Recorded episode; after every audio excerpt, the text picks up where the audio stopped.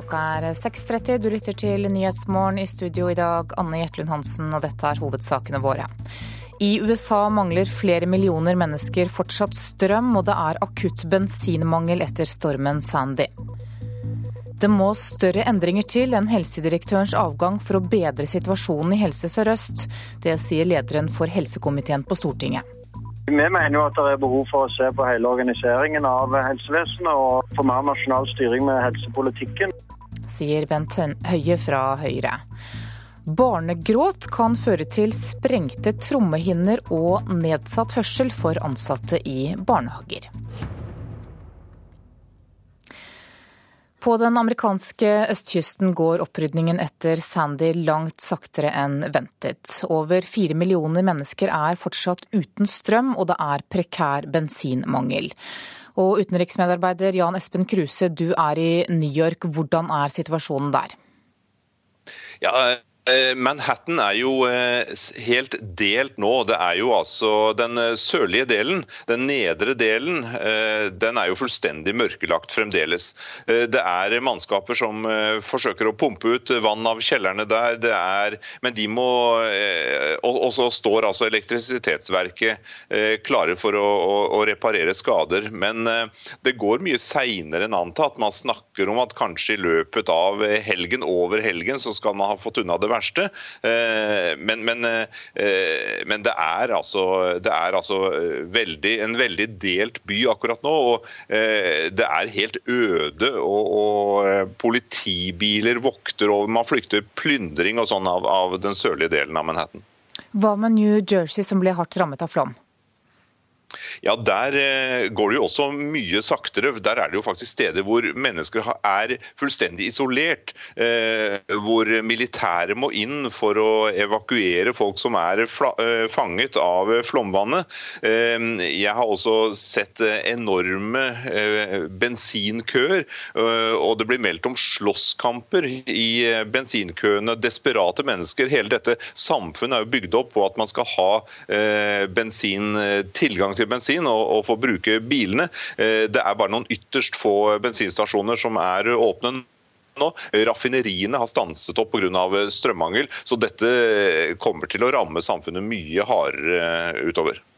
Valgkampen er nå i gang igjen. Hvordan tror du stormen vil påvirke innspurten? Ja, eh, I dag så skal jo Obama og Romney eh, fortsette valgkampen i Ohio. Eh, og, eh, Obama vil naturligvis forsøke å, eh, utnytte det faktum at han, eh, han, har vært nasjonens store leder under stormen. Og han har vist stødig lederskap. Han har nå også fått støtte fra New Yorks eh, populære ordfører, borgermester Michael Bloomberg. Eh, han er uavhengig politisk, og begge de to eh, presidentkandidatene har ønsket å få hans støtte. Nå har altså Obama fått det, og det blir sett på som veldig viktig. Og Så kommer det nye arbeidsledighetstall i dag. Hva vil det bety? Ja, De eh, kommer også til å få stor betydning. For eh, det er jo økonomien som er det aller viktigste for amerikanerne når de skal eh, gå og stemme, i hvert fall for de aller fleste. Nå spekulerer ekspertene på hva arbeidsledighetstallet kommer til å bli. I september så falt det jo for første gang på svært lenge under 8% til 7,8. Nå lurer mange på om de om de kommer til å gå bitte grann opp til 7,9. Eh, men det er tross alt et brukbart tall for Obama så lenge det ligger under 8. Og han kan eh, vise til en, en eh, liten framgang over tid, i hvert fall. Takk til deg, Jan Espen Kruse i New York. En amerikansk Al Qaida-tilhenger er dømt til fengsel i 17 år for å ha planlagt å bombe Pentagon og Kongressen ved hjelp av fjernstyrte modellfly lastet med sprengstoff. Det opplyser Justisdepartementet i USA. Den 27 år gamle mannen har erkjent straffskyld i saken. Han ble pågrepet i september i fjor etter å ha blitt avslørt av FBI-agenter som utga seg for å være Al Qaida-medlemmer. Det må større endringer til enn helsedirektørens avgang for å bedre situasjonen i Helse Sør-Øst. Det sier lederen for helsekomiteen på Stortinget, Høyres Bent Høie. Han håper på en ny direktør som får de ansatte med seg, men sier at å bytte ut topplederen ikke er nok. Vi mener jo at det er behov for å se på hele organiseringen av helsevesenet og legge ned de regionale helseforetakene. og få mer nasjonal styring med helsepolitikken og overlate mer av driften til de lokale eh, foretaksstyrene. Men det er jo en politisk diskusjon. Den diskusjonen kan Høie ta med helseminister Jonas Gahr Støre. Han sier at omstilling vil fortsette å prege Helse Sør-Øst, men at de ansatte er motiverte. Jeg er trygg på at den organisasjonen kommer til å hente motivasjon ut fra oppgavene. og De er mange og de er spennende. Det er oppnådd store ting, men det er også store utfordringer. og Det må en ny ledelse ta fatt på. Den gamle lederen fortsetter til Genéve og en attraktiv stilling i Verdens helseorganisasjon. Det liker Fremskrittspartiets stortingsrepresentant Kari Kjønaas Kjos dårlig. Jeg syns det føyer seg inn i, i, eh, rekken av saker hvor uh, toppledere som har måttet tåle kritikk, uh, og belønningen hun får, det er altså en annen toppstilling. Men at Mikkelsen ikke lenger skal lede Helse Sør-Øst, mener Kjos er det eneste riktige. Uansett så tror jeg det er veldig bra for pasienter, pårørende og ansatte at vi nå får en ny leder på plass. Og da håper jeg vi får en sterk leder som ikke løper regjeringens ærend, men som vil stå opp for pasientene og de ansatte. Reporter her, det var Anders Aalbu. Tro, to av tre Senterpartivelgere mener Liv Signe Navarsete bør gå av som partileder. Det viser en meningsmåling. Blant hele befolkningen så mener 80 eh, at eh, Marit Arnstad eller Ola Borten Moe bør lede partiet. En fersk meningsmåling gjort av Sentio for Trønderavisa viser at bare 33% av Senterpartivelgerne stiller seg bak partilederen, mens resten ønsker at noen andre skal overta. På en meningsmåling utført for Sunnmørsposten så får partiet bare 3,6% oppslutning og er nå under sperregrensen. Statsminister Jens Stoltenberg sier at det er alvorlig at japanske myndigheter forsøkte å skjule sannheten da tsunami- og atomkraftkatastrofen var som verst i fjor. Stoltenberg møtte i dag mannen som har laget den uavhengige rapporten om myndighetenes håndtering av krisen. Det er veldig alvorlig hvis eh, sannheten skjules, fordi en forutsetning for å unngå katastrofer, en forutsetning for å begrense skadevirkningene, er jo at man vet hva som ikke fungerer og vet hva som, er, eh, hva som er problemet. Derfor er åpenhet en, en, nøkkel, og derfor har vi vært, opptatt av i Norge at uh, vi skal få alle fakta på bordet. og Det var hovedgrunnen til at vi nedsatte vår egen 22. juli-kommisjon. Asia-korrespondent Anders Magnus, du følger Stoltenbergs besøk i Japan. Hvordan reagerer vanlige japanere på denne rapporten? Ja, de var jo eh, veldig rasende når de fikk vite eh, hva som egentlig hadde skjedd. Mange hadde nok hatt mistanker om at eh, regjeringen i Japan forsøkte å skjule eh, deler av sannheten angående særlig utviklingen av katastrofen i dette atomkraftverket i Fukushima. Og det har jo skjedd en eh, enorm eh, holdningsendring hos japanere, som tidligere har vært veldig regimelojale og har stolt på sin regjering i ett og alt. Nå er det vært tilliten til dagens styrende politikere på et lavmål her i Japan. I dag så har Stoltenberg besøkt et beredskapssenter. Hva fikk han se der? Han fikk være med inn i en heis som skulle simulere, hvor man skulle simulere et jordskjelv, hvor det var kraftige lyder fra rystelser og eh, lyset gikk. Og så fikk han også se hvordan eh, filmer av hvordan et jordskjelv kunne arte seg, og at eh, selv om en bygning eh, kanskje tåler jordskjelvet, så er det som er farlig, er alle de løse delene inne i et rom som kan falle over folk og, og faktisk også drepe dem. Og han ble veldig berørt av det han så, og sa at dette er ting vi må lære av i Norge også, og at det er viktig å vite at en katastrofe kan komme. Han sa at i Japan så spør man ikke om, om en katastrofe kommer, men når neste katastrofe kommer. Jeg tror vi kan lære noe eh, fra Japan, som har opplevd mange katastrofer, mange jordskjelv. Her snakker man ikke om hvis en ny katastrofe inntreffer, men når den inntreffer. Og også i Norge må vi være forberedt på at det er ikke et spørsmål om vi får nye kriser, men eh, når og hva slags kriser det blir. Og Da må vi ha høy beredskap, også i eh, trygge Norge. Og vi må forstå at tid er kritisk. Det var en viktig lærdom fra 22.07. i Norge. Og Det er en viktig lærdom eh, herfra i håndteringen av jordskjelven. Da skal vi ta en kikk på dagens aviser og se hva de har på forsidene sine i dag. Sendt til Genéve av Støre er Aftenpostens overskrift. Etter intenst sykehusbråk så har helseministeren funnet en ny toppjobb til sjefen for Helse Sør-Øst, Bente Mikkelsen.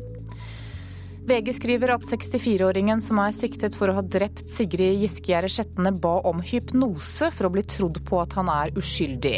I går ble han løslatt fra varetekt. Dette er de farligste krefttegnene, skriver Dagbladet, og viser til en ny norsk rapport. Dagens Næringsliv forteller at obligasjoner har blitt en pengemaskin for meglerhusene. Nå kaster også de store advokathusene seg over det lukrative markedet. Dagsavisen mener tiltalen mot Rune Øygard er skandaløs, fordi aktoratet har satset alt på ett kort. Ifølge avisas kommentator Hege Ulstein så kunne statsadvokaten tiltalt Øygard for grisepraten på Skype, fordi den kommer inn under paragrafen om uanstendig atferd overfor barn. I stedet er Øygard tiltalt for en rekke samleier med jenta, uten at det finnes tekniske bevis for dette. Og dermed har statsadvokaten sviktet den unge jenta, mener Ulstein. Bergens Tidende skriver at flere dør når luftforurensningen i byene øker. Bare få dager med dårlig byluft kan gi økt dødelighet, mener Folkehelseinstituttet. Vårt Land forteller at 72 av de 100 mest fraflyttede norske kommunene har flere uføretrygdede enn landsgjennomsnittet. Uføretrygd er kamuflert distriktspolitikk, mener kommentator Elin Ørjasæter. Vannkraftsalg sjokkerer KrF og Venstre, det skriver Klassekampen. Venstre og KrF støtter ikke Erna Solberg i regjering dersom ikke Høyre fjerner hjemfallsreglene. Nasjonen skriver at et flertall av Senterpartiets fylkesledere er positive til Ola Borten Moes ønske om en verdidebatt. Og Bergensavisen forteller om en jente som krever å ha gymtimer alene pga. religionen sin. Hensikten er å slippe å ha gym sammen med guttene i klassen. Da skal vi ha sport. Antidopingeksperter frykter at juksemakere i idretten skal begynne med gendoping. Foreløpig er det umulig å teste på genmanipulerte dopingpreparater, det sier professor Ingar Lerheim. Det vi er mest redd for, er jo utviklingen av gendop. Eh, der, eh, der, er det jo også visse muligheter. Det er jo allerede nå enkelte preparater på markedet som ryktevis har vært brukt, også innen bloddopingsområdet. Eh, som er et produkt av genmanipulering. Det er vel i grunn det vi, de frykter aller mest i fremtiden. Det er ikke lenger mulig å komme seg unna dopingtestene dersom man eh, benytter seg av EPO og andre kjente ulovlige stoffer. Men historien viser at doperne alltid ligger et hestehode foran testmetodene. Derfor frykter antidopingeksperter såkalt gendop, fordi det foreløpig er svært vanskelig å avdekke. På mange områder så har ikke doperne en sjanse til å snike seg unna. Men på enkelte medikamentområder hvor man ikke på forhånd har eh, ferdig testmetodikk for dosering eller mengde, så kan enkelte dopere med særdeles eh, smarte, kunnskapsrike og uhederlige hjelpere som leger og farmakologer ha en ledende rolle. Reporter her var Pål Thomassen. Skiskytter Tarjei Bø må ta hensyn til kroppen og ikke trene for hardt. Det er klart etter at det i går ble kjent at luftveisinfeksjonen han har skyldtes tvar-bakterien. Og det er fort gjort å bli for ivrig på trening, det erkjenner Bø. Det er jo kanskje at jeg bør kanskje ta litt mer hensyn og holde litt igjen på treninga. Når jeg eh, føler meg i rå form, så er det lett å pushe strikken enda litt til. Og det er ofte da jeg blir sjuk. Så jeg, rett, jeg, rett, før jeg ble syk i sommer, så hadde jeg min beste løpsmølletest på Olympiatoppen. Så det, det henger litt i hop, at det er lett å trå litt feil når en blir for ivrig. Det, det, er jo litt sånn jo tøffere du trener, jo, jo mer åpen er kroppen for å ta imot eh, dritt. Så ja, kanskje jeg bør eh, legge meg litt mer på sofaen og kanskje trappe litt ned på treningsmengden i perioder, sånn at jeg har marginen litt, litt bedre. Mm. Har du lært det nå? Ja, jeg har lært det iallfall når jeg står her.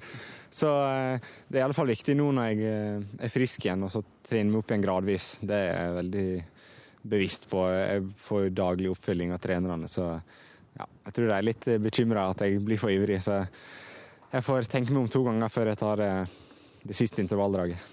Og reporter her var Andreas Toft. Du hører på Nyhetsmorgen i NRK P2 og Alltid nyheter. Klokka er 6.45. Dette er hovedsaker i nyhetene i dag. På den amerikanske østkysten går opprydningen etter Sandy langt saktere enn ventet. Flere millioner mennesker mangler fortsatt strøm. Det er alvorlig at japanske myndigheter forsøkte å skjule sannheten om tsunamikatastrofen i fjor, mener statsminister Jens Stoltenberg. Og språket til akademikerne er håpløst kjedelig. Det mener forfatter Vetle Lie Larsen.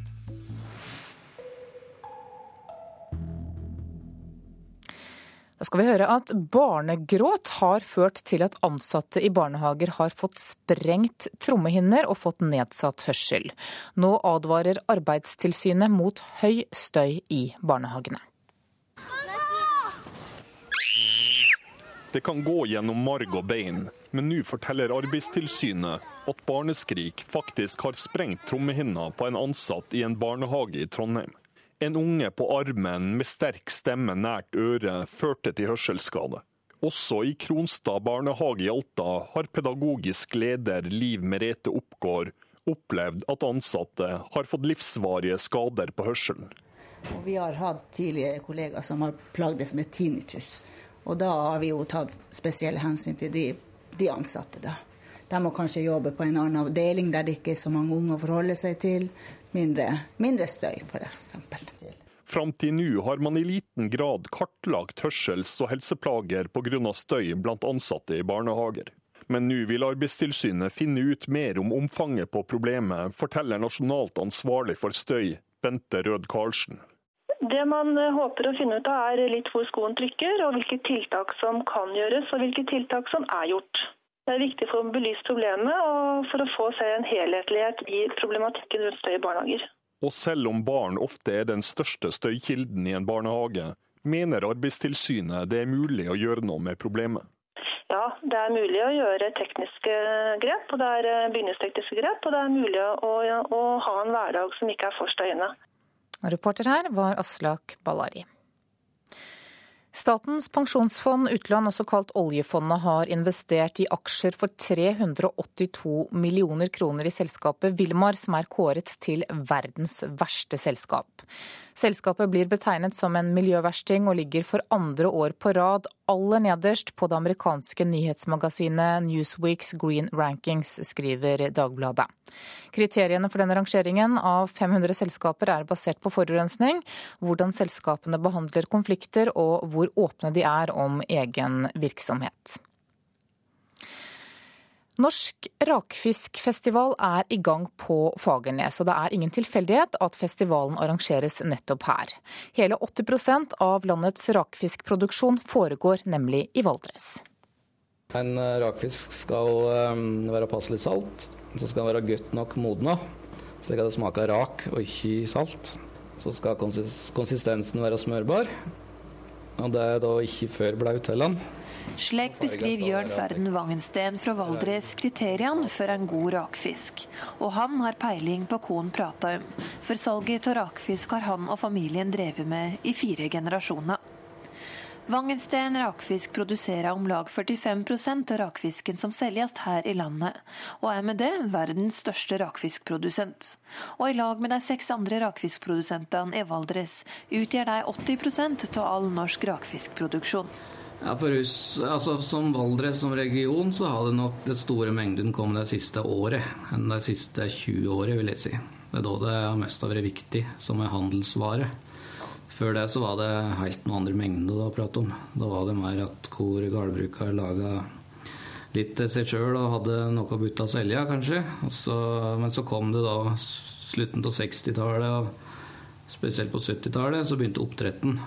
Da var det flere familier som fikk mengde av det, opp med mengda. Og uh, måtte ut og selge, og fikk til et marked. Og den dag i dag er det Valdres-produsentene som dominerer markedet.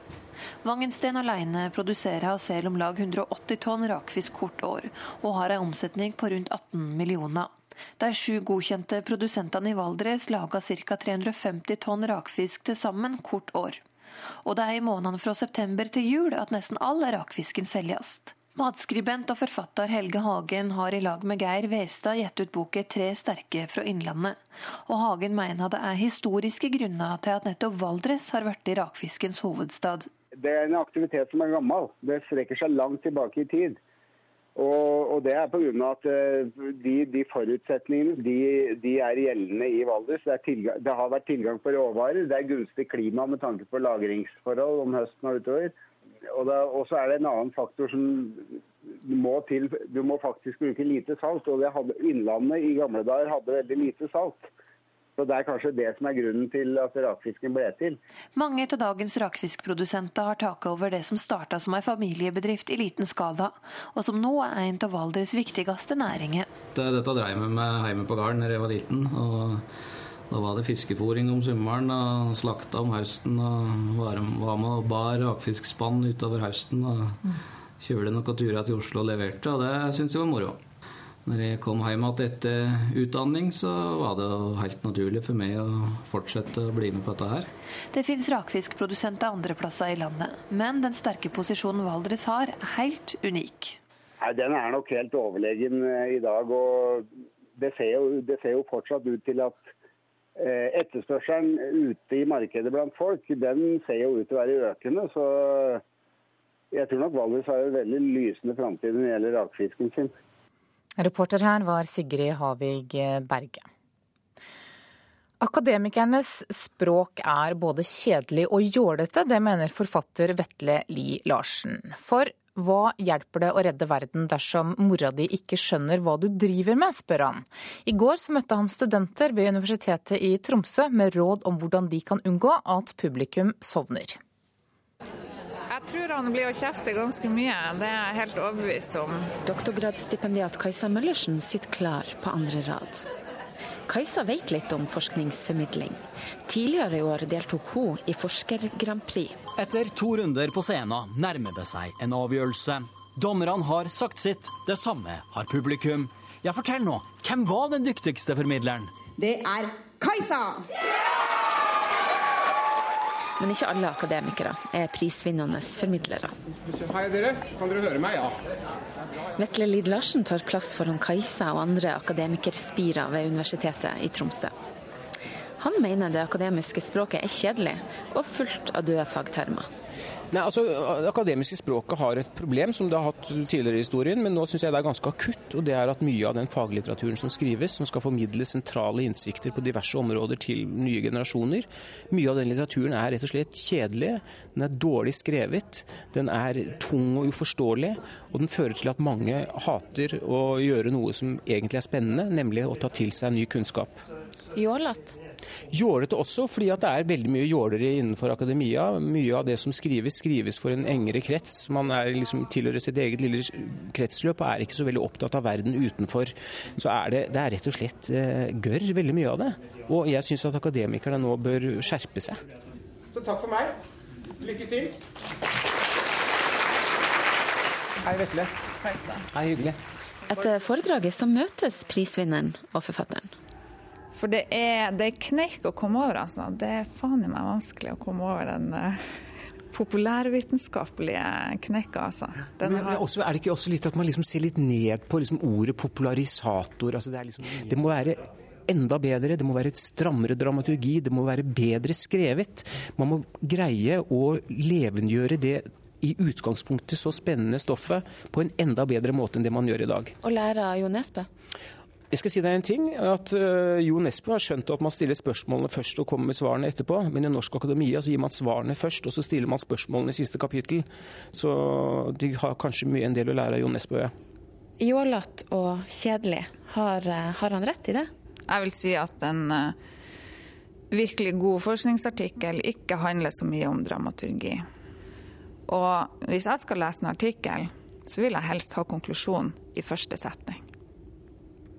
Nei, men han sa at den skulle komme til slutt. Ja, der er vi uenige. Der er vi helt uenige. Reporter i Tromsø heter Karoline Rugeldal. Helsevesenets satsing på såkalte helseapper er for dårlig, det mener IKT Norge. Det skal nå finnes over 40 000 dataprogrammer for smarttelefoner og nettbrett som kan hjelpe deg med alt fra røykeslutt til å måle blodsukkeret ditt. Og i går så la Kreftforeningen fram en ny app som skal hjelpe unge kreftpasienter å kommunisere om sykdommen sin og unngå isolasjon. Hva er det vi ser her, da? Det her er tidslinjen. Under en presentasjon i Oslo sentrum får helseminister Jonas Gahr Støre demonstrert Kreftforeningens nye app som skal hjelpe kreftsyke ungdommer. Vi har tatt bilde av eh, da vi satt og jobba, solte hverandre i hendene. Med appen Speakless kan ungdommene spille og holde kontakten med de nærmeste vennene og familiemedlemmene sine mens de er under behandling. Det forteller Anne Fi Troje, en av utviklerne bak programmet. Så med noe hvor vennene kan bli involvert i stemningen du er i, i hvordan du har det. Og istedenfor å føle seg avvist, så får de beskjed via denne appen at det var i dag, så var det bare en veldig, veldig dårlig dag. Det tror jeg vil hjelpe.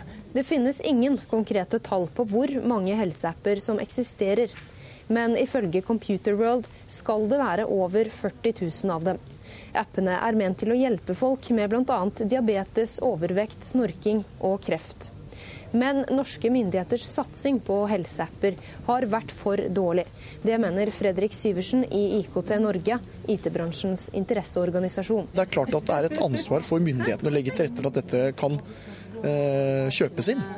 Der har vi et langt eh, steg å gå for nå. tror jeg det går mest på medisiner som, er, som blir skrevet ut i forhold til eh, å behandle pasienter. Men jeg er helt overbevist, og det har vi kliniske undersøkelser, som viser at teknologi og bruk av det også kan være både en behandling og et supplement til eh, medikamenten til behandling. Altså det vi ser generelt er jo at vi bruker IKT altfor lite i helsevesenet. Det sier generalsekretær Anne Lise Ryel i Kreftforeningen. Hun tror helseapper kan være til stor hjelp. Samtidig så ser vi at det er en jungel der ute av ulike apper. Så er, eh, vi må også være klar over at det ikke, dette er ikke løsninga på alt. Det, de er nødt til å være tilpassa norske forhold, og de er nødt til å være tilpassa behovet som, som pasienten har. Helseministeren understreker at det ikke bare er å satse penger på ny teknologi. Det investeres jo masse i teknologi rundt i norsk helsevesen. det jeg frykter, er at man investerer galt og bruker penger på gal måte. Samtidig har han tro på bruk av apper i helsevesenet, og vil snart ta dette opp i en stortingsmelding. Teknologi brukt riktig, og for meg er brukt riktig, nemlig at det er viktig for pasienten, brukeren, er en helt klar eh, framtid for helsevesenet. Reporter her var Trine Leion.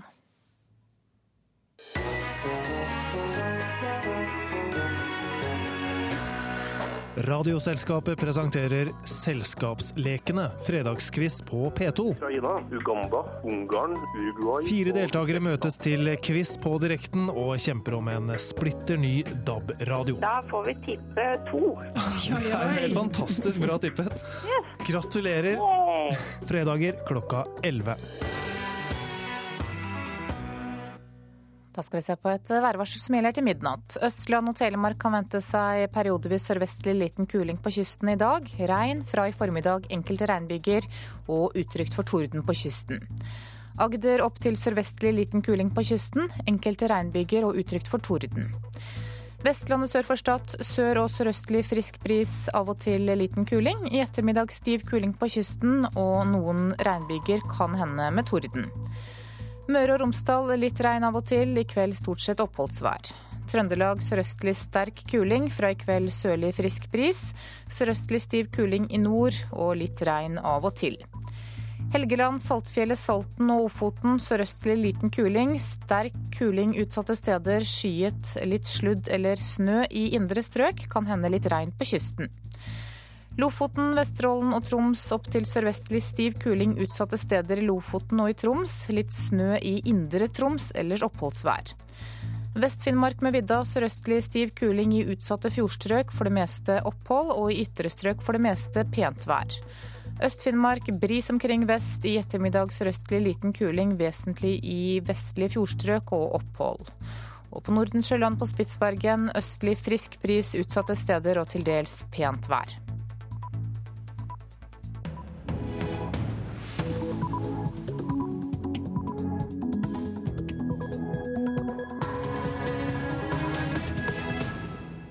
Klokka er sju. Du lytter til Nyhetsmorgen med Anne Jetlund Hansen i studio, og her er en nyhetsoppdatering. Politiet bruker flere millioner kroner på tolker hvert år. Nå ber de Justisdepartementet ta regninga, så politiet kan bruke pengene på etterforskning. Vi hadde jo vært eh, fornøyd hvis vi kunne fått dette dekket sentralt fra, og ikke ta det av vårt eget driftsbudsjett. Sier visepolitimester i Østfold, Tor Kleppen. Barn bør ha krav på å få vite hvem som er deres biologiske foreldre, mener Senterpartiet, og vil at foreldre som har brukt sæd eller eggdonasjon, skal ha plikt til å fortelle det til barna. De må få vite det så snart eh, det er tilrådelig, og gjerne da før de begynner på, på skolen. Sier stortingsrepresentant Kjersti Toppe. I USA er det akutt bensinmangel etter orkanen, og flere millioner mennesker er fortsatt uten strøm. Finanskrisa sør i Europa gjør at flere asylsøkere sitter på vent i norske asylmottak. Og ungdomstrenden med myke, flate Converse-sko kan gi varige skader i føtter, legger, rygg og nakke. Vi kan ikke behandle, altså vi kan ikke rette opp en skade. Vi prøver å korrigere den slik at den ikke blir verre. Sier fotspesialist Tormod Juel. Kostnadene til bruk av tolk i politiet er blitt så høye at det går på bekostning av å overvåke kriminelle miljøer. Det sier lederen av seksjonen for organisert kriminalitet i Oslo politidistrikt, Einar Aas. Nå vil flere politidistrikt heller bruke pengene på etterforskning. Hei. Hvor er politiet? Førerkort, har du det? Spanere fra Oslo-politiets avdeling for spesielle operasjoner er på oppdrag. De overvåker kriminelle gjenger, og det koster. Men det er andre poster i budsjettet som også skal ha sitt. Kostnader til tolker, de som oversetter avhør, forklaringer til fornærmede eller avlytting, er høye. Så høye at leder av seksjon for organisert kriminalitet i Oslo-politiet, Einar Aas, mener det kan gå på bekostning av å holde kriminelle gjenger under oppsyn. Det som er en fare, en generell fare, det er at man avstår fra å avdekke. Altså man avstår fra å gyve på tunge kriminelle nettverk, nettopp fordi man vet at eh, kostnadene blir så høye. Hva slags konsekvenser gir det? Ja, Det gir jo på en måte kriminelle et spillerom som de strengt tatt ikke burde hatt, selv om jeg tror det er urealistisk å tro på en nullvisjon her. Han presiserer at de alltid etterforsker saker de er kjent med, Oslo politidistrikt brukte 13 millioner kroner på tolker i fjor. Tall NRK har hentet inn viser at utgifter til tolk i politidistriktene er høye. 18 av 27 politidistrikter brukte nesten 40 millioner kroner på tolk i 2011.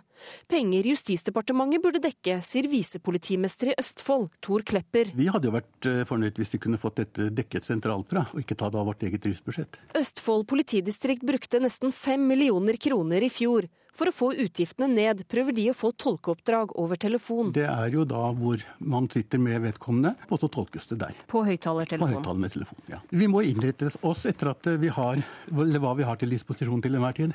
Så vi må ta hensyn til at det går penger til tolking. Ja, Hva vil det si, da? Dette skal ikke gå utover folks trygghetsfølelse, så det er ikke der det står. I rettsapparatet har tolkeutgiftene økt kraftig. I 2009 ble det brukt tolker i tingretter, lagmannsretter og høyesterett for 75 millioner kroner. I 2011 hadde dette økt til over 100 millioner kroner, men disse utgiftene blir dekket i statsbudsjettet. Også i Hordaland politidistrikt skulle de gjerne brukt de fem millioner kronene annerledes, sier påtaleleder Hildegunn Hafsgaard. Det er en veldig stor utgiftspost i de totale straffesaksutgifter og driftsutgifter vi har i forbindelse med sak. Hun sier at det trolig ikke blir mindre tolkeutgifter i årene som kommer, og mener Justisdepartementet burde ta regninga. Vi gjorde jo det samme med utgiftene til DNA i 2009, så det er jo en mulighet å, å trekke inn disse utgiftene sentralt. Reporter her var Ellen Omland. Og statssekretær i Justisdepartementet Astrid Aas Hansen, det er altså snakk om mye penger her. Vil Justisdepartementet ta regninga for disse tolketjenestene? Det kan jeg ikke konkludere på nå. Vi holder på med en kartlegging av bruk av tolk i hele justissektoren. Der vi òg ser på om en får nok tolker, og at en har tolker som har den nødvendige kompetansen. I dette arbeidet så har vi bedt politidistriktene sende inn informasjon over hvor høye utgifter de har til bruk av tolk hvert år.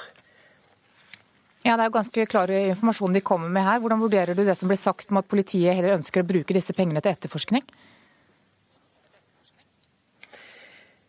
Det jeg er glad for å høre at man selvfølgelig prioriterer å etterforske saker. At ikke man avstår for å etterforske fordi det kan komme tolkeutgifter.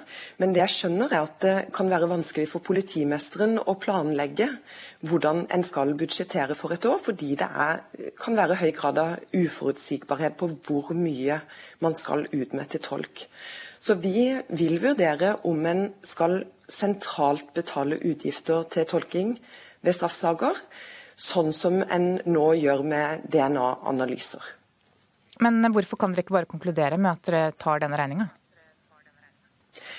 Nei, Dette må behandles i de vanlige budsjettprosessene. så Hvis det er sånn at man skal eh, overføre utgiftene til bruk av tolk fra det enkelte politidistrikt til Politidirektoratet eller eh, til oss, så må vi ta det i forbindelse med et eh, budsjett. Men vi hører jo Einar Aas i Oslo-politiet her si at i hans avdeling så kan dette her gå utover å avdekke og overvåke kriminelle miljøer. Hvordan vurderer du det? Nei, Det overrasker meg, for han eh, jobber i en avdeling hvor man har eh, alvorlige straffesaker. Og at eh, mulig utgift til bruk av tolk skal være et motiv for ikke å avdekke og etterforske alvorlige saker, det kan jeg ikke helt eh, skjønne at stemmer. Per i dag så har politiet høye utgifter til tolk, og vi ser at de utgiftene mange steder øker eh, fordi politiet er gode til å avdekke, og fordi en bl.a. er blitt mye flinkere til å avdekke kriminalitet som er grenseoverskridende. Politiet har bedt om dette i flere år. Når kan de vente at eh, det skjer noe, eller at dere konkluderer? Som sagt så uh, har vi nå en kartlegging av bruk av tolk i justissektoren. Og en av de tingene vi ser på, er om en skal ha en uh, sentral pott for utgifter til tolking. Hvis vi konkluderer med en sentral pott, så må vi ta det i forbindelse med et av de budsjettene man har i løpet av et år, enten statsbudsjettet eller f.eks. revidert budsjett. Så jeg kan ikke nå si verken om vi konkluderer med en sentral pott, eller når det i så fall vil komme på plass. Takk til deg, statssekretær Astrid Aas Hansen i Justisdepartementet. Foreldre som får barn ved hjelp av sæddonasjon må få en plikt til å fortelle barna hvordan de har blitt til. Det mener Senterpartiets stortingsgruppe. Den mener at barna har krav på å få vite før de begynner på skolen om faren er deres biologiske far.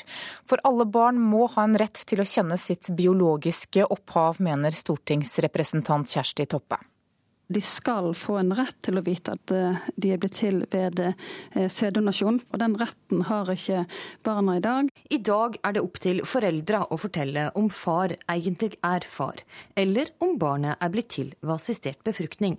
Kjersti Toppe mener det er en menneskerett å kjenne sitt biologiske opphav, og vil derfor innføre ei plikt. Foreldra må fortelle barna hvordan de er blitt til. De må få vite det så snart det er tilrådelig, og gjerne da før de begynner på, på skolen. Kan ikke dette være en vanskelig beskjed å få for en femåring? Jo, det er jo klart at det kan være eh, vanskelig. Og eh, mye innenfor bioteknologi og sæddonasjon assistert befruktning er jo krevende felt. Men erfaringen fra andre land viser jo at åpenhet er tross alt eh, det beste. Og eh, de familier som praktiserer det, fungerer veldig bra som familier. I Arbeiderpartiet er spørsmålet blitt diskutert, uten at de er kommet frem til en konklusjon ennå. Fortell Helga Pedersen. Jeg er i tvil eh, om hva som er riktig å gjøre, og det er det mange i Arbeiderpartiet som er. Det er ikke lov med anonym sæddonasjon i Norge. Er du laga ved hjelp av assistert befruktning, kan du gå til donorregisteret og finne ut hvem som er din biologiske far etter at du har fylt 18. Det som taler for å innføre en sånn eh, plikt, er jo at hvis du som 18-åring skal stille opp i sædbanken eller spørre det offentlige hvem Eh, hvor ditt genetiske opphav kommer ifra, så må du jo nødvendigvis i utgangspunktet vite at du er blitt til ved hjelp av assistert befruktning. Mens det som drar i andre retning, er jo eh, en, en prinsipiell motforestilling om at du skal gå inn og lovregulere informasjon og kommunikasjon mellom foreldre og barn. Et vanskelig etisk dilemma, men Høyre har tatt stilling, sier helsepolitisk talsperson Bent Høie. Dette er foreldrene sjøl som må få lov til å vurdere. Han liker forslaget fra Senterpartiet dårlig. Nei, jeg synes det er et veldig spesielt forslag, som går griper langt inn i privatlivets eh, fred og bryter alle grenser for hva som bør være politikk. I Sverige vurderer foreldra sjølve, og undersøkelser derfra viser at en fjerdedel av de som får barn ved hjelp av assistert befruktning, vel å skjule det for barna sine. Det er mye verre at ungen eller ungdommen får vite dette ved en tilfeldighet. Da er det traumatisk traumatisk for den det gjelder, og kan være veldig ødeleggende for tilliten i familien. Hva med julebordsbarn? Bør de også, som ikke har kanskje den faren man trodde, bør den også innføre en plikt her? Eh, nei, eh, jeg ser at det er et argument som blir brukt mot en plikt, men eh, ved assistert befruktning ved sæddonasjon så går samfunnet åpent inn og tilrettelegger for at barn skal bli født med en annen far enn den som er den sosiale faren. Da er det helt naturlig at det blir fortalt. Reporter her var Astrid Randen, og det blir debatt om saken i Politisk kvarter her i P2 klokka kvart på åtte. Klokka er 11 minutter over sju nå. Du hører på Nyhetsmorgen, og dette er hovedsaken i dag. Politiet har skyhøye utgifter til tolker, og det rammer vanlig politiarbeid. Nå vurderer Justisdepartementet å ta regninga. Mer enn 600 asylsøkere som egentlig sendes fra Norge og tilbake til Italia i år, men mange blir sittende og vente. Og det må større endringer til enn helsedirektørens avgang for å bedre situasjonen i Helse Sør-Øst. Det sier Høyres Bent Høie, og får støtte av en overlege ved Rikshospitalet.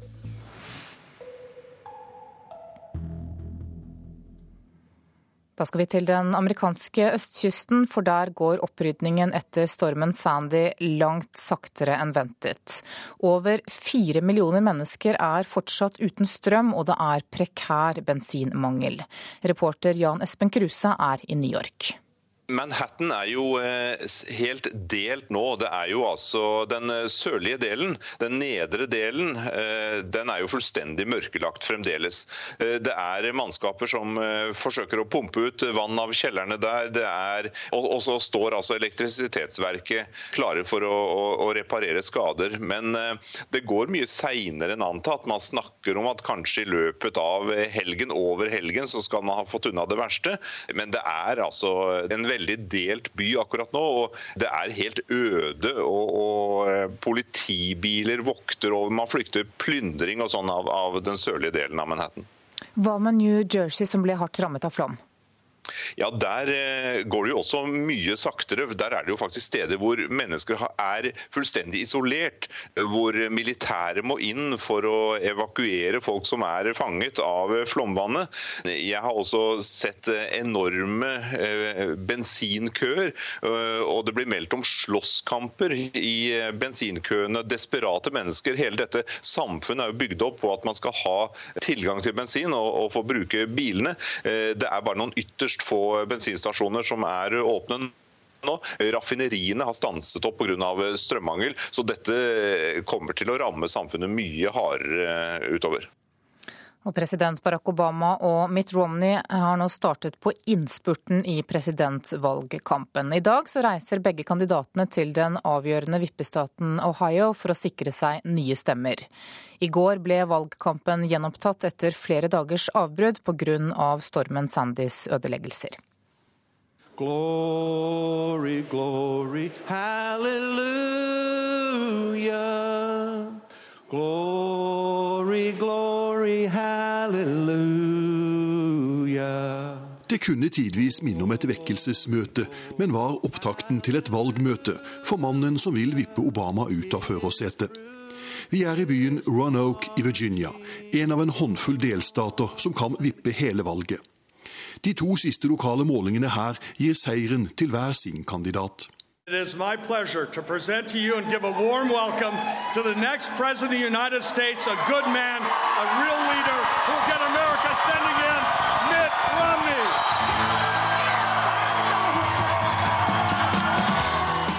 Han tas imot som rene popstjernen Mitt Romney, republikanernes presidentkandidat. Superstormen Sandy satte valgkampen på vent, men i går var det full rulle igjen for både Obama og Romney.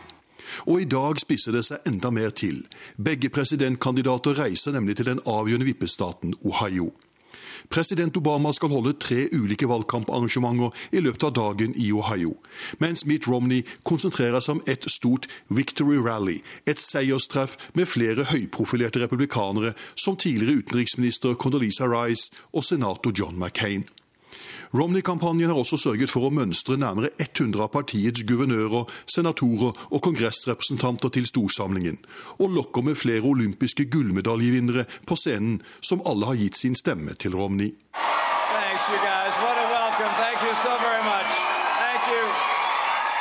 I går var det Virginia Mitt Romney satset på å vinne nye stemmer i. Et av de tre valgmøtene i går ble holdt i fabrikkhallen til en vindus- og dørfabrikk, som støtter den republikanske presidentkandidaten. President Obama gjorde også unna tre valgmøter i går, men det i tre ulike delstater. Wisconsin, Nevada og Colorado. I dag krysser de to presidentkandidatene altså samme delstat, Ohio. Det haster å kapre nye stemmer. Det er bare fire dager igjen til valgdagen. Jon Gelius, Roanoke, Virginia. Israelere flest mener at det vil være i Israels interesse om Mitt Romney vinner presidentvalget i USA. I en meningsmåling fra Peace Index sier 57% av de spurte jødiske israelerne at det vil være i Israels interesse at Romney vinner, mens bare 22% mener at det vil være i Israels interesse om Obama vinner. Forholdet mellom Israels statsminister Benjamin Netanyahu og president Obama er kjent for å være anstrengt. Verdensbanken har satt av 1,4 milliarder kroner til Myanmar for å støtte opp om reformene i landet. Det er første gang på 25 år at Verdensbanken tilbyr lån til Myanmar. Myanmar er i dag Asias nest fattigste land. I Kina har organtransplantasjon hittil hovedsakelig vært basert på organer fra henrettede kriminelle. Landet vil nå gradvis gå bort fra denne praksisen fra og med neste år. Kina vil gå over til et organdonasjonssystem som Røde Kors allerede har startet opp i noen regioner. Kinesiske myndigheter innser at dagens system ikke er etisk forsvarlig, og at det blir altfor få tilgjengelige organer. Finanskrisa sør i Europa gjør at flere asylsøkere sitter på vent i norske asylmottak. For mange som har kommet til Italia fra Afrika eller Midtøsten, har nå valgt å reise videre fra det kriserammede middelhavslandet. Men Reglene sier at de må sendes tilbake til Italia. Flere enn 600 asylsøkere skal sendes fra Norge og tilbake til Italia i år.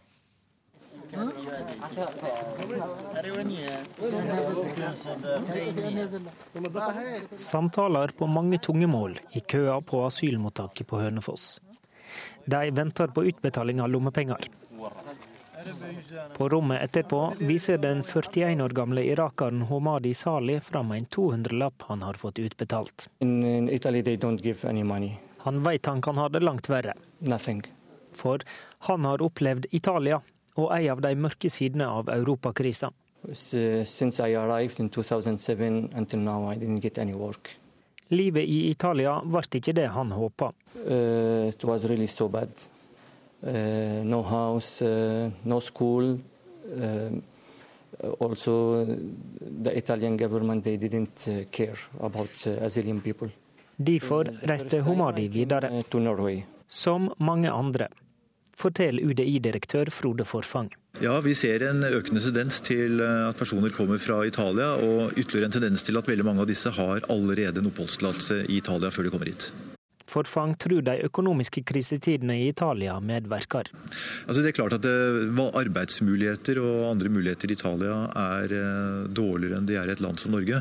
Eh, Så det kan selvfølgelig være fristende for mennesker å reise til Norge av den grunn, men det er veldig viktig for oss at asylinstituttet ikke brukes som et virkemiddel for å gjøre dette. Asylordningen er basert på at man skal vurdere om man har beskyttelse i forhold til alternativ som da er hjemlandet, og ikke i forhold til eh, om man skal velge å bo i et land som Italia eller et land som Norge. Men reisa til Norge hjelper de egentlig ikke. Etter reglene i det som blir kalt Dublin-avtalen, må de tilbake til Italia og få behandla saka si der. Norge har bedt Italia ta tilbake 1200 i fjor og så langt i år. Men Italia er ikke lett å samarbeide med, og det blir neppe lettere når et kriseråka land må kutte i statsapparatet. Ja, Både Norge og andre europeiske land har en utfordring i forhold til italienske myndigheter ved at vi, man ofte ikke får svar på henvendelser eh, om eh, tilbaketakelse eller hvilken status de har i eh, Italia. Det er greit når vi har klare bevis, f.eks. fingeravtrykktreff, men i andre saker der vi bare har løsere indikasjoner, så kan det være et eh, stort problem. Uh, about uh, four months and a half now. Så dermed blir asylsøkerne ofte sittende og vente. På italiensk saksbehandling i et norsk mottak. Homadi kom fordi han håpa på opphold i Norge, men han har ingen gyldig grunn, og har fått klar beskjed. You must wait until the police come and send you back. Reporter her var Håvard Grønli. Kommunikasjonssjef Øystein Bryni i Norsk Folkehjelp, hvorfor er det problematisk å sende Homadi Sali og andre tilbake til Italia? Italia er et land som lenge har blitt kritisert, og folk har vært bekymret for hvordan man behandler asylsøkere. De har regelverket på plass, men har ikke hatt ressursene til å følge det opp på samme måten som vi klarer i Norge. Situasjonen har tilspisset seg med den økonomiske krisen. Jeg snakket med en av våre partnerorganisasjoner i Italia i går. Han fortalte at på nyhetene den kvelden så hadde det blitt kunngjort nye kutt til handikappede, til skoler, én av tre unge er arbeidsledige. Og da stiller asylsøkere ganske langt bak i køen. Han beskrev scener rundt asylmottaket som var like ved der han bodde, som han aldri hadde sett før. Han så unger snike seg ut av leiren for å tigge penger for å lete etter mat i søppelkassene. Men asylordningen er jo basert på da, som vi hørte her, at man skal vurdere om folk har krav på beskyttelse basert på situasjonen i hjemlandet deres, ikke basert på situasjonen i det landet de først dro til. Er det da ordningen som er feil? Dublin-ordningen er en mulighet Norge har til å returnere folk til første land. Det er ikke en plikt. Norge kan avlaste Italia i denne vanskelige stunden ved å realitetsbehandle de asylsøknadene vi har her inne.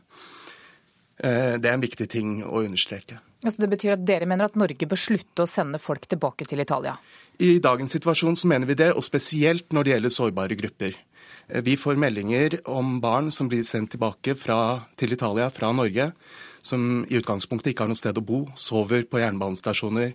Hvis de er heldige, blir de kanskje plukket opp av myndighetene og satt i en interneringsleir hvor de bor i konteinere, hvor de deler et toalett på 100 stykker. Så forholdene i Italia akkurat nå er ikke forsvarlige. Og i solidaritetens navn så syns jeg spesielt Norge kunne, kunne hjelpe litt til i denne situasjonen og avlaste Italia. Og så har vi jo hørt tilsvarende historier tidligere, men da har det vært asylsøkere som kommer til Norge via Hellas og blir sendt tilbake til dårlige forhold der. Er det det samme som skjer med dem som sendes tilbake til Italia? Situasjonen kan sammenlignes til en viss grad. Det er nå flere saker inne i menneskerettighetsdomstolen i Strasbourg om Italia. Danmark f.eks. har stoppet retur av barn. Tyskland avventer situasjonen, Østerrike ser på det, Sverige ser på det. Så vidt jeg vet har også UDI forsøkt å finne ut mer om situasjonen i Italia. Han nevner ikke det, han er mest opptatt av byråkratiet han ikke får kontakt med. Vi mener at det er et feil fokus. Situasjonen i Hellas kan ikke sammenlignes 100% De hadde ikke like gode leire som Italia, og de hadde heller ikke regelverket på plass. Men én ting er å ha regelverket på plass, en annen ting er å kunne ha ressursene til å følge opp og gi en forsvarlig behandling. Så dere mener at vi nå skyver problemet over til land som allerede er i krise?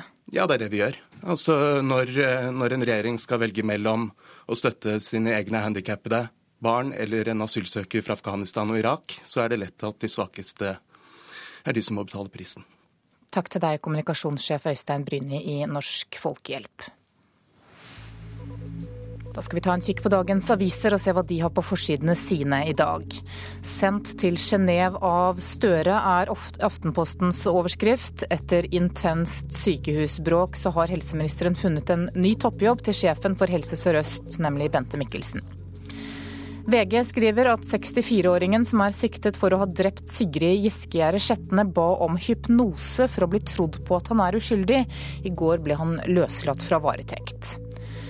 Dette er de farligste krefttegnene, skriver Dagbladet, og viser til en ny norsk rapport. Dagsavisen mener tiltalen mot Rune Øygard er skandaløs, fordi aktoratet har satset alt på ett kort.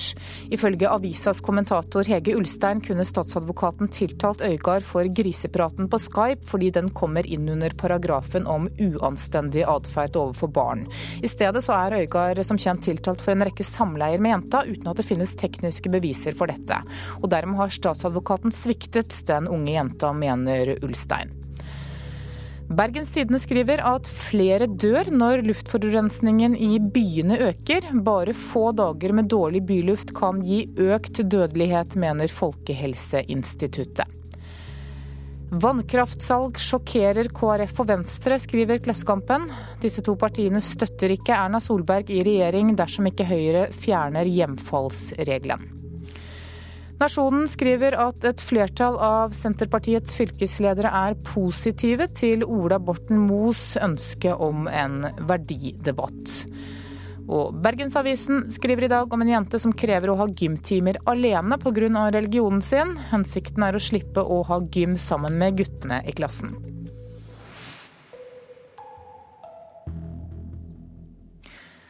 Spesialister advarer mot eh, ungdomstrenden med myke Converse-sko.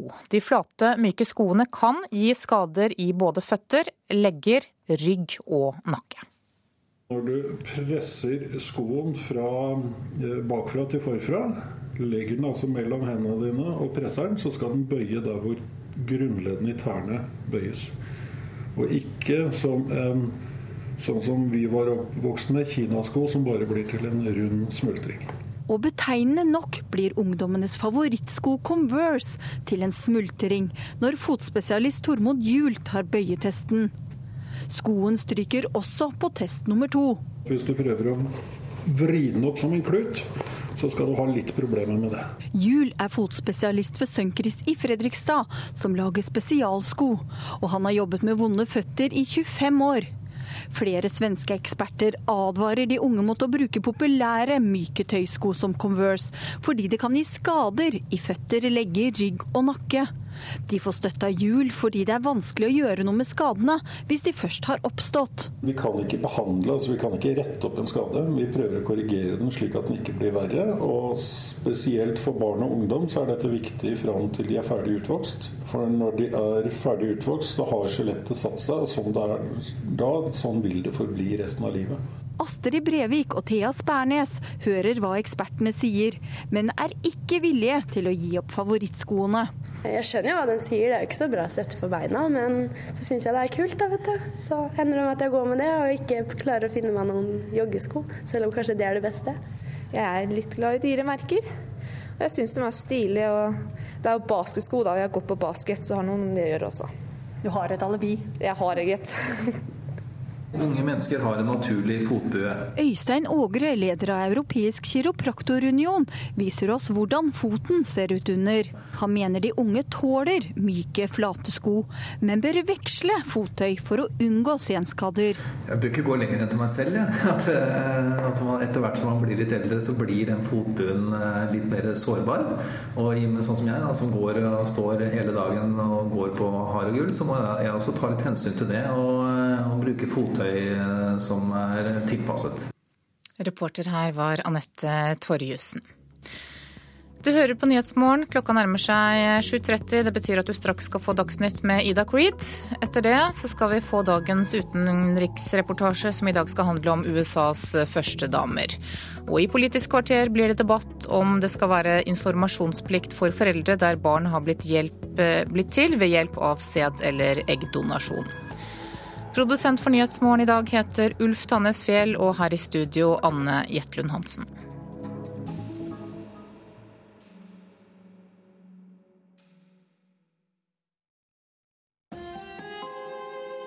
Hør ekko. Jaså, du har et godt hode, og du lurer på å velge Norge? Kom, kom. Her har vi det så bra. Verdens beste land på mange måter. Nei vel, du vil ikke likevel. For smått internasjonalt miljø. Hm. Men Norge trenger deg. Ekko 9 til 11 i NRK P2.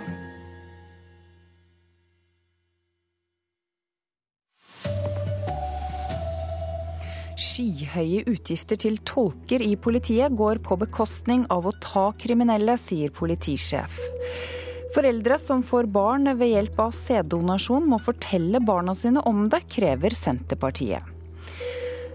Og um, Jonas Gahr Støre fortsetter å ødelegge Oslo-sykehusene, mener overlege ved Rikshospitalet. Her er NRK Dagsnytt klokken 7.30. Kostnadene til bruk av tolk i politiet er blitt så høye at det går på bekostning av å overvåke kriminelle miljøer. Det sier leder av seksjon for organisert kriminalitet i Oslo politidistrikt, Einar Aas.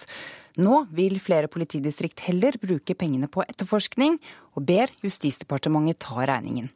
Det som er en fare, en generell fare, det er at man avstår fra å avdekke. Altså man avstår fra å gyve på tunge kriminelle nettverk, nettopp fordi man vet at eh, kostnadene blir så høye.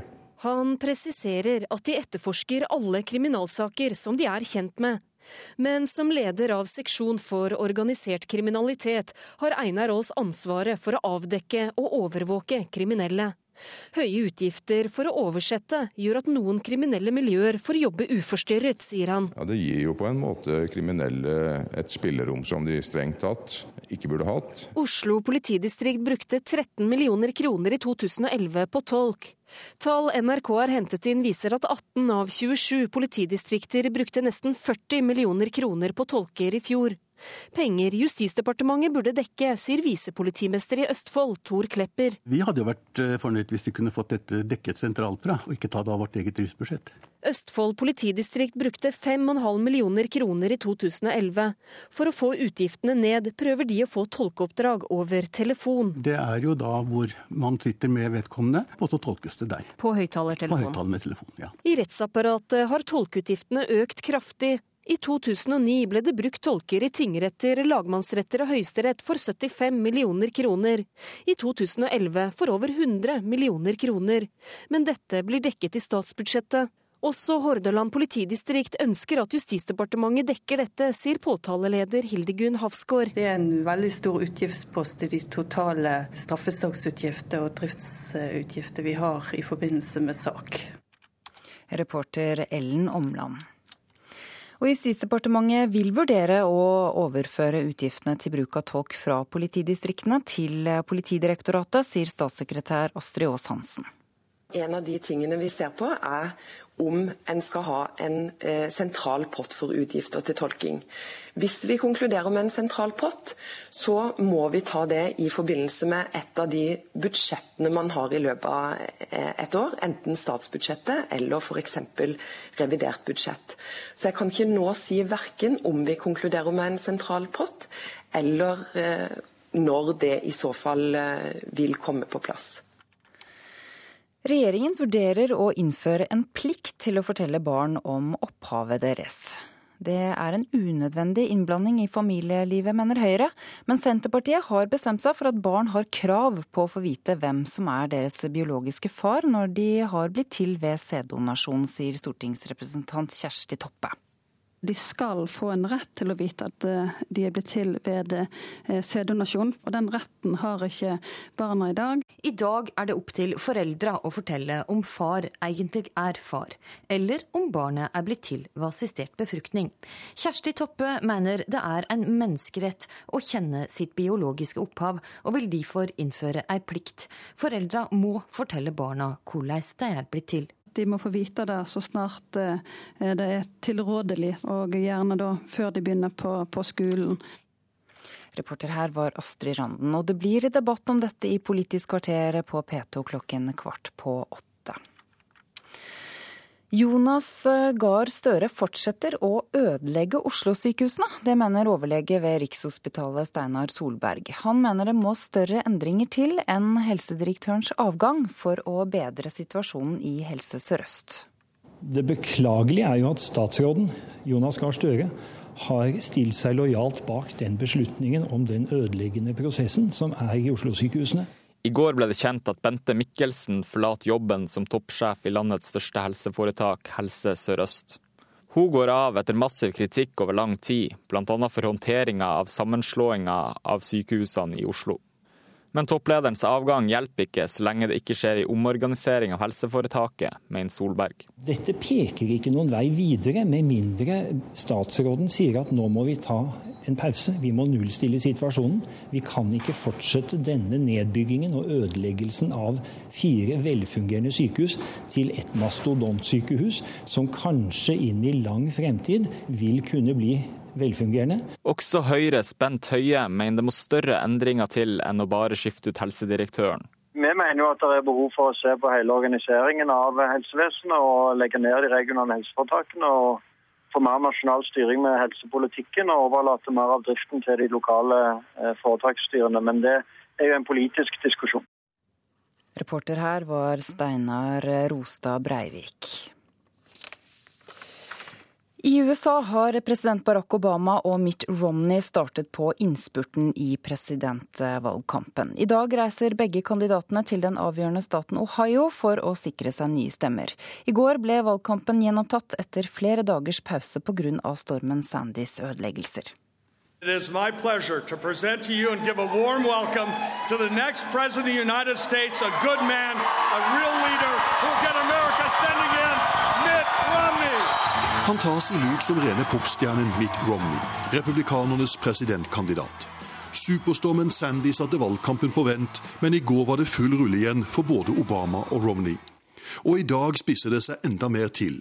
Begge presidentkandidater reiser nemlig til den avgjørende vippestaten Ohio.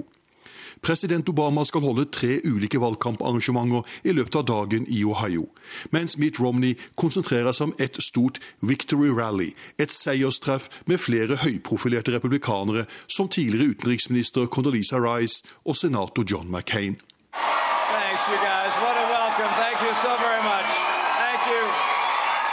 I går var det Virginia Mitt Romney satset på å vinne nye stemmer i.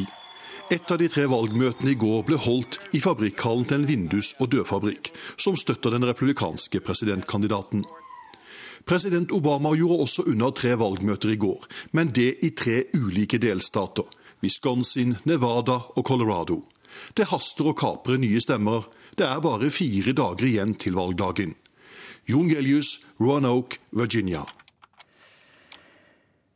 Så skal vi gjøre at eh, finanskrisen sør i Europa fører til at eh, flere asylsøkere sitter på vent i norske asylmottak. For mange som har søkt opphold i Italia, reiser nå videre til Norge.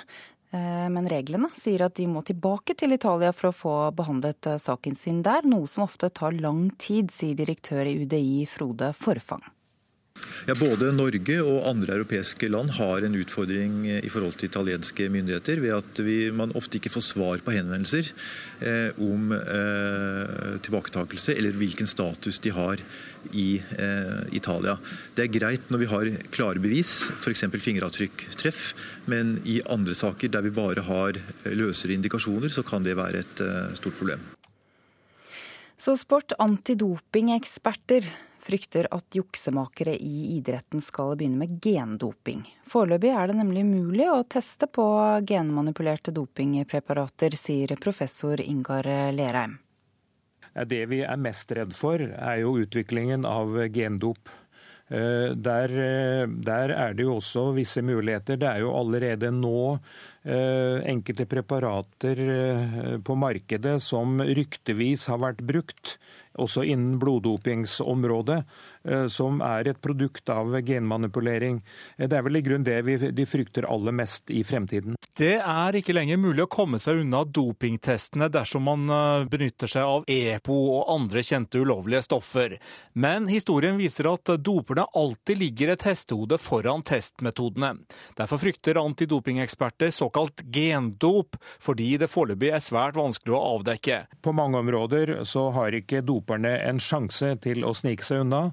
Men på enkelte medikamentområder hvor man ikke på forhånd har eh, ferdig testmetodikk for dosering eller mengde, så kan enkelte dopere med særdeles eh, smarte, kunnskapsrike og uhederlige hjelpere som leger og farmakologer ha en ledende rolle. Det sa professor Ingar Lerheim til reporter Pål Thomassen. Ansvarlig for Dagsnytts sendinger denne morgenen er Arild Solbjørg. Teknisk ansvarlig Per Ivar Nordahl. Jeg heter Ida Creed. Klokka er 7.40 og Nyhetsmorgen fortsetter, og vi skal til valgkampen i USA. Den som innehar rollen som first lady i USA, har muligheten til å bli et amerikansk ikon. Men rollen er ikke uten snubletråder.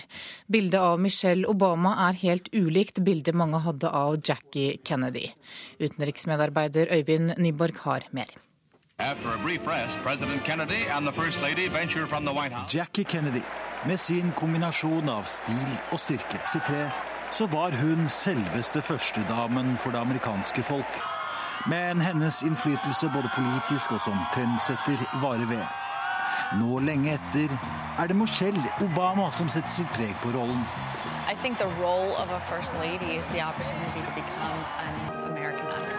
Rollen som førstedame gir mulighet til å bli et ikon, sier moteekspert Laureen Rothman. Men rollen som mor, representant for Det hvite hus og moteikon er ikke alltid lett å kombinere. Sort of a difficult one in American politics. It's not in the Constitution. They don't have any particular responsibilities, so it's been fashioned over the years on their own. Rollen er ikke så enkel. Den er ikke nedfelt i Grunnloven noe sted, sier Rottmann. Det gjør at førstedamen kan bestemme innholdet mer selv. Førstedamene skulle i tidligere tider for det meste spille rollen som vertinne i Det hvite hus og passe familien, og hun sto langt unna rampelyset. Men i 1930-årene brøt Eleanor Roosevelt tausheten, sier Anita McBride, som har jobbet for begge Bush-kvinnene. In more modern times, starting I think Roosevelt, Pga. Franklins sykdom var det ofte henne som fortalte amerikanerne om politikken framover på folkemøter, og hun markerte startskuddet for amerikanernes fascinasjon for førstedamer. Jackie Kennedy gjorde kunstlivet mer kjent. Lady Bird Johnson jobbet for landets grønne lunger, Nancy Reagan jobbet mot narkotika, og Michelle Obama er opptatt av barns velferd. Betty Ford var en klasse for seg. I mean, you look at Betty Ford. Um, you know, she used some very personal struggles to the benefit of the American people. Hun brukte sin personlige kamp til fordel for folket. Ingen snakket om brystkreft i 70-årene før henne, sier McBride. Men det er selve morsrollen som nok er den viktigste for folk flest. Bush-damene scora bra der. De holdt seg mye hjemme. In general, in the past, first ladies have been more popular when they're seen more as the mother-in-chief than when they're seen as having an active policy role. So Barbara Bush was very popular, seen as more of a, a mother in chief type, and Laura Bush somewhat in that way as well. She was a librarian. Barbara Bush var veldig populær. Hun var en slags overmamma. Laura også. Hun var bibliotekar, sier Michelle Swears, professor i amerikansk politikk. Det var derfor mange som syntes det var vel utfordrende da president Bill Clinton ga kona, advokaten Hillary, i oppgave å reformere helsevesenet på 90-tallet. Men hun gjenvant sin popularitet da hun viste medfølelser under Lewinsky-skandalen. Hillary Clinton was least popular when she was seen as more of having a policy role because she was unelected, an unelected policymaker. Skandaler rundt presidentparet er ikke noe nytt, og ryktene svirret også rundt Kennedy-familien. Jackie var ung, pen og et moteikon. Alle kvinner ville se ut som henne på 60-tallet. Michelle Obama er mer nede på jorda når det gjelder designklær. I think Michelle Obama has given us the gift of style in the White House again. Something that we really hadn't seen in a really long time. De er fortsatt vanlige folk, sier Rotman. Nå får hun konkurranse av Ann Romney, kona til Mitt, mer enn klar til å ta over kjøkkenet i Det hvite hus. Klokka er 7.44. Dette er hovedsaker i Nyhetsmorgen nå. Skyhøye utgifter til tolker i politiet går på bekostning av å overvåke og avdekke kriminalitet, sier politisjef. Det går mot en intens innspurt i valgkampen i USA, begge kandidatene i gang igjen etter en pause under stormen. Og Senterpartiet vil at foreldre som har brukt sæddonasjon skal ha plikt til å fortelle det til barna før de begynner på skolen. Men nå i Politisk kvarter så møter Senterpartiets representant motstand, Sigrid Solund. Høyre mener det er å gå for langt å gi foreldrene plikt til å fortelle små barn at den biologiske pappaen deres er en sæddonor. Og hva sier det om tilliten til norsk helsevesen at en offentlig instans som Forsvaret kjøper private helseforsikringer?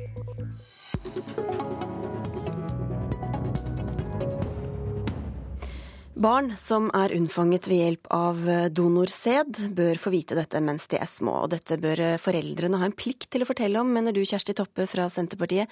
Du sitter i helse- og omsorgskomiteen på Stortinget. Hvorfor vil du endre lovverket for å gi foreldrene denne plikten? Eh, fordi det er en eh, grunnleggende rettighet for barn å få vite hvem som er biologisk eh, mor og far. Det er en plikt på samme måten som det i dag er for adopterte barn. At foreldre har plikt i dag til å fortelle at barna er adopterte. og Det er ingen prinsipielle forskjeller på det. Og at du er, kommer til da med sæddonasjon. Vi vet at det er veldig skadelig at barn får vite dette ved en tilfeldighet. Dessuten så har jo både Den europeiske menneskerettighetskommisjonen og FNs barnekonvensjon slått fast at det er en menneskerettighet Eh, å få vite sitt biologiske opphav, og at barn så langt det er mulig har rett eh, til å kjenne sine foreldre. Og Hvor gamle bør barna være når de får vite det her, mener du? Eh, det, det, har ikke vi sagt noe spesielt om, men det blir på samme måten som når en forteller at barna er adoptert. Og erfaringen fra våre naboland er at det gjerne blir fortalt før ungene begynner på skolen. Og en undersøkelse fra Sverige så er gjennomsnittet fem år. Bent Høie fra Høyre, du leder den samme komiteen, og dette er utenfor politikkens grenser, mener du. Hvorfor det? Nei, fordi jeg mener jo på samme måte som Kjersti Toppe at det er veldig fornuftig at foreldre forteller dette og forteller det tidlig. Men det er mye som er fornuftig som vi ikke regulerer med lov eller pålegger familier å gjøre. Eh, foreldre kan ha ulike grunner for å la være å fortelle dette. Veldig, de aller, aller fleste gjør det jo i dag fordi at de har fått informasjon om at det er fornuftig. Og så er det noen få som velger ikke å gjøre det. Jeg tror ikke vi som er politikere skal sette oss til doms over deres eh, valg, eh, men la det være opp til familiene. Jeg stiller også store spørsmålstegn med hvor langt vil Senterpartiet egentlig gå. Veldig mange barn og voksne går rundt i Norge og tror de vet hvem som er ens biologiske foreldre, men så er de blitt ved ved et eh, uhell eller en tilfeldighet eller et julebord eller hva det er. Men vi kan ikke ha et lovverk som pålegger eh, foreldrene å fortelle dette til barna. Vi kan ta det siste først, Toppe. Skal dette gjelde også alle dem som eh, har vært utro, f.eks.? Eh, nei, det er jo en avsporing av debatten. fordi Dette gjelder barn som det offentlige er med å tilrettelegge et tilbud for at det kan bli født. Og vi vet at det blir født Eh, inn i et, eh, et, et foreldreforhold der den, den, ikke vokser opp med biologisk far. Så det er fordi at staten gir et tilbud, ja, ja, så har staten har rett til å kreve? Da har staten òg rett til å kreve, og vi skal legge vekt på åpenhet. Og, og staten myndighetene har òg internasjonale forpliktelser i forhold til f.eks. For barnekonvensjonen. Derfor er ikke det et argument i hele tatt at det finnes òg andre barn i Norge som vokser opp uten kjent biologisk far. Men til dette andre, da. Hvorfor stoler du mer på at staten vet hva som er best for barna enn at foreldrene selv kan ta den avgjørelsen? Jeg syns ikke at vi skal dra foreldreansvaret inn i akkurat denne diskusjonen. Dette her er en grunnleggende menneskerettighet, og da skal ikke det være opp til en foreldre. Så da må vi sikre det som myndigheter. Men kan det ikke være at, eh, tilfeller hvor eh, foreldrene tenker at det ikke bør få vite det, i hvert fall ikke når det er så lite? Nei, akkurat dette mener jeg ikke det. For det så, det, det er en grunnleggende rettighet. Vi har så mange faglige eh, Eh, argument for at det er veldig skadelig. Og eh, det er, som, altså det er hensynet til barnas beste som er, er det prinsipielle. Og så må foreldrenes eh, behov komme i andre rekke.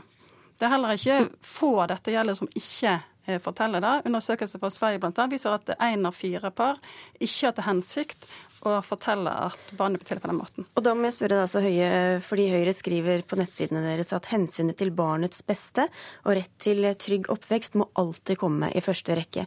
Hvorfor kommer det likevel i dette tilfellet i andre rekke bak hensynet til privatlivets fred? Nei, fordi Vi tror at det er i disse tilfellene foreldrene som faktisk er de som er best i stand til å vurdere hva som er barnets beste. og De fleste foreldrene velger det for å fortelle dette, men i noen tilfeller kan det være grunner til at en ikke eh, gjør det. Hvis det er sånn at eh, Senterpartiet mener at dette er en grunnleggende menneskerettighet som hun løfter opp så høyt, så kan jeg ikke forstå hvorfor hun klarer å sette et skille mellom barn som fødes med eh, hjelp av det offentlige, og barn som fødes uten eh, Eller der foreldrene ikke forteller hvem som er eh, foreldrene i andre, det, andre, situasjoner. Hun sa at fordi staten gir dette tilbudet, ja, da, så skal men, staten men, også ta konsekvensene og kunne men, kreve det. Men hvis det er argumentet at dette er en grunnleggende menneskerettighet, så holder ikke det den, den, den, det skillet. Og Det som var jo utgangspunktet vårt når vi satt i regjering, det var jo at før så var det sånn at staten gikk inn og aktivt destruerte informasjon som hindra barn å få vite hvem som var ens biologiske far,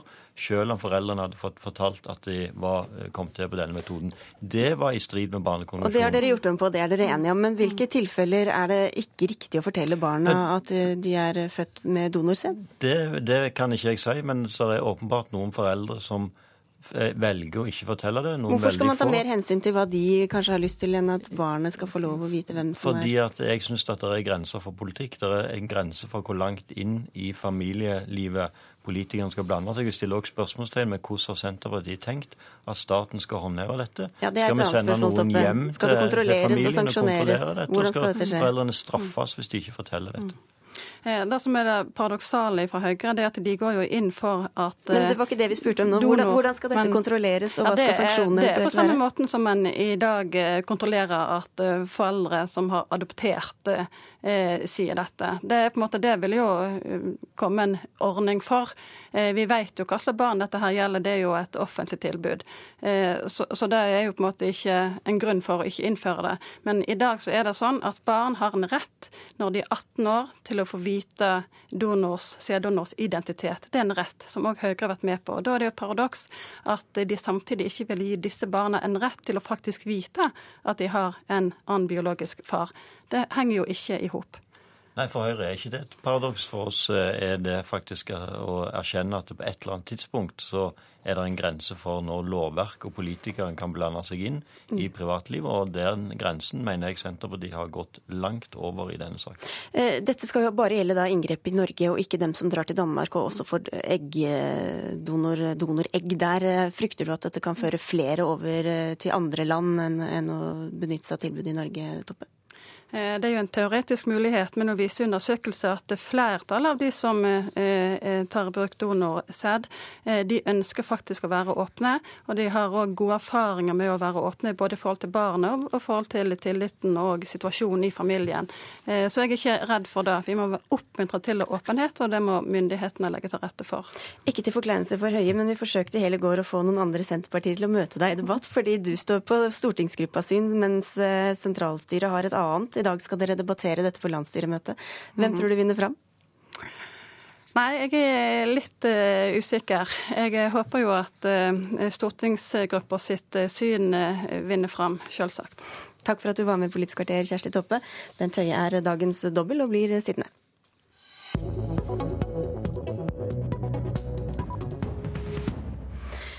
For Høyre mener det er dobbeltmoral fra eh, regjeringens side når Forsvaret velger å kjøpe privat helseforsikring til noen av sine soldater. I går fortalte Dagsrevyen at de på den måten betaler seg ut av offentlige helsekøer.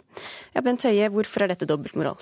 Nei, fordi Helseminister Anne Grete Strøm-Eriksen har i flere år eh, prøvd å fortelle det norske folk at de ikke har behov for private helseforsikringer fordi vi har et så godt tilbud i det offentlige helsevesenet. Mens eh, forsvarsminister Anne Grøthe Strøm-Eriksen da leder et eh, departement, et forsvar, som ser at de har behov for dette for sine soldater. Men hun sa på Dagsrevyen i går at hun ikke visste om det. Hvordan kan det da være dobbeltmoral? Jo, fordi at de, har, de, har, de leder eh, alt og har ansvar for alt som foregår i sine eh, departement. Og vi så òg personalsjefen i Forsvaret i går argumenterte veldig sterkt for at de så et behov for dette, fordi de, de hadde nøkkelpersonell som de ikke ville skulle gå sykemeldte lenge. Vi har, når vi har argumentert for at folk går sykemeldte lenge i Norge fordi de venter på helseoperasjoner og tegner private helseforsikringer pga. det, så har Arbeiderpartiet avvist det og sagt at det, det er det ikke behov for. Tove Karoline Knutsen fra Arbeiderpartiet, du er medlem av helse- og omsorgskomiteen. Hva synes du om at Forsvaret har betalt for helseforsikring? Nei, Jeg er ikke tilhenger av at, eh, at offentlige etater skal kjøpe private helseforsikringer. Jeg tror faktisk man kan kjøpe katta i sekken. Jeg er sikker på man kan finne løsninger i det offentlige helsevesenet, også for denne type personell som det er snakk om her. F.eks. gjennom fritt sykehusvalg, eller ordninga Raskere tilbake. Men så blir dere beskyldt for dobbeltmoral fra Høyre? Ja, men uh, Høyre må ikke snakke om dobbeltmoral i denne saka her som gjelder disse helseforsikringene. For er det noen som er dobbeltmoralsk, så er det Høyre. Hvis Høyre mener at private helseforsikringer er et tegn på, eller fører til, et klassedelt helsevesen, som jo ofte er deres argument, Hvorfor i all verden innførte Høyre skattefritak for private helseforsikringer da de sjøl satt i regjering i 2003? Og som ikke det var nok, så foreslo de det samme på nytt i 2010, etter altså at den rød-grønne regjeringa hadde avskaffa denne veldig usosiale ordninga. For Høyre vet veldig godt at slike eh, private helseforsikringer kommer først og fremst høytlønte, relativt unge og ganske friske mennesker til gode. Antagelig menn. Ja, Bent Høie, du rakk ikke å si det engang eh, før motargumentet kom, men det, du, et av dine argumenter er altså at dette fører til et eh, klasseskille i norsk helsevesen. Hvorfor vil dere da bygge opp under mer av det samme? Nei, Det som er forskjellen her, er jo ikke at det fører til et klasseskille, men det er et tegn på et klasseskille.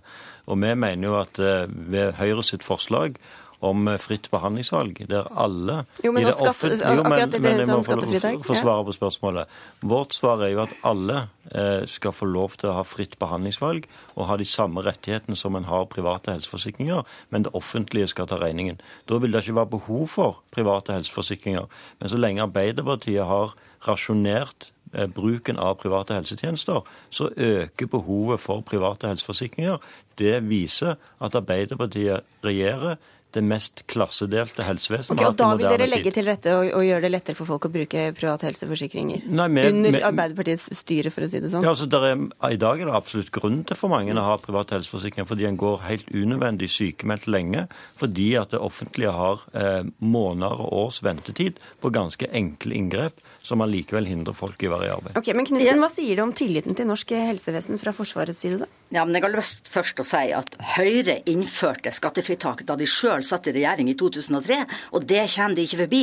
Og så er det sånn at I våre nordiske naboland der har dette med forsikringer tatt av, samtidig med kommersialisering og privatisering. Det er det som har ført til at man har fått veldig høy grad av eh, private eh, helseforsikringer. Så okay. Høyre behøver, seg ikke på, eh, behøver ikke å prøve seg på sånne spesielle forklaringer, for dette den. henger sammen. Men til mitt spørsmål, Hva sier det om tilliten til norsk helsevesen at en offentlig instans som Forsvaret ser seg nødt til å kjøpe private helseforsikringer? Ja, nå eh, er jeg veldig glad for at forsvarsministeren har sagt at hun skal se på den saka. Men vi ligger faktisk ganske lavt i Norge når det gjelder private helseforsikringer. Når det gjelder individuelt tegna forsikringer, så har vi bare en 20 000-30 000. Og det er ganske lavt når vi tenker over at eh, norske husstander har svært god økonomi.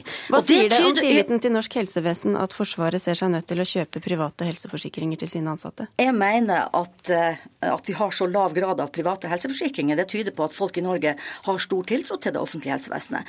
Det er dit de fleste søker når vi blir syke. Og derfor så syns jeg det er trist at Høyre driver og snakker ned helsesektoren i Norge. For det gjør Høyre, og det er urettferdig, syns jeg. Men Tove Karoline Knutsen svarer jo ikke her på spørsmålet, nemlig at både Forsvaret, men ikke minst veldig mange andre arbeidsgivere i Norge ser et behov for å tegne private helseforsikringer. Regjeringen har på spørsmål fra Høyre nå i forbindelse med statsbudsjettet selv sagt at det kommer til å bli tegnet om lag 50 000 nye private helseforsikringer neste år. Det forteller at òg regjeringen ser at dette kommer til å bre om seg. Og jeg tror mange måter at Arbeiderpartiet spekulerer i dette. En gir ikke alle de samme rettighetene til å få behandling på privat sykehus. Men og Det betyr at flere betaler dette selv, og det sparer Arbeiderpartiet og regjering store summer på, samtidig som en skattlegger eh, de som har private Men, helseforsikringer. Men Handler ikke også dette om prioriteringer, at folk kanskje forventer et annet tilbud enn det det faktisk er kapasitet og økonomi til i norsk helsevesen, både på privat og offentlig sektor? Nei, Dette handler jo om at, eh, at dette er folk som faktisk for det første lider gjennom over den sykdommen som de har, men som òg i veldig stor grad opplever at de går sykemeldte helt unødvendig lenge. Derfor hadde det vært mye bedre samfunnsøkonomi fjerne sin rasjonering av bruk av private helsetjenester, gitt alle de samme rettighetene, uavhengig om man har forsikring eller ei. Og dermed hadde folk kommet raskere tilbake i arbeid. Vi hadde spart penger til ja, jeg må få lov å si Høyre har jo ikke noe mer penger enn Arbeiderpartiet. De vil ta av det offentlige helsevesenet for at vi skal kjøpe private løsninger. Og det har vist seg i andre land at det er ikke veien å gå. Vi er for fritt sykehusvalg utvalg. Vi skal jobbe for å få ned ventetiden, og vi har lagt over en halv milliard inn i ordninga Raskere tilbake, som jo er øremerka penger til regionale helseforetak for at de skal kunne gi raskere helsehjelp. Tove Karoline Knutsen og Bent Høie, takk for at dere kom til Politisk kvarter, som nå er slutt. Mitt navn er Sigrid Solund, og vi har mye å by på utover dagen.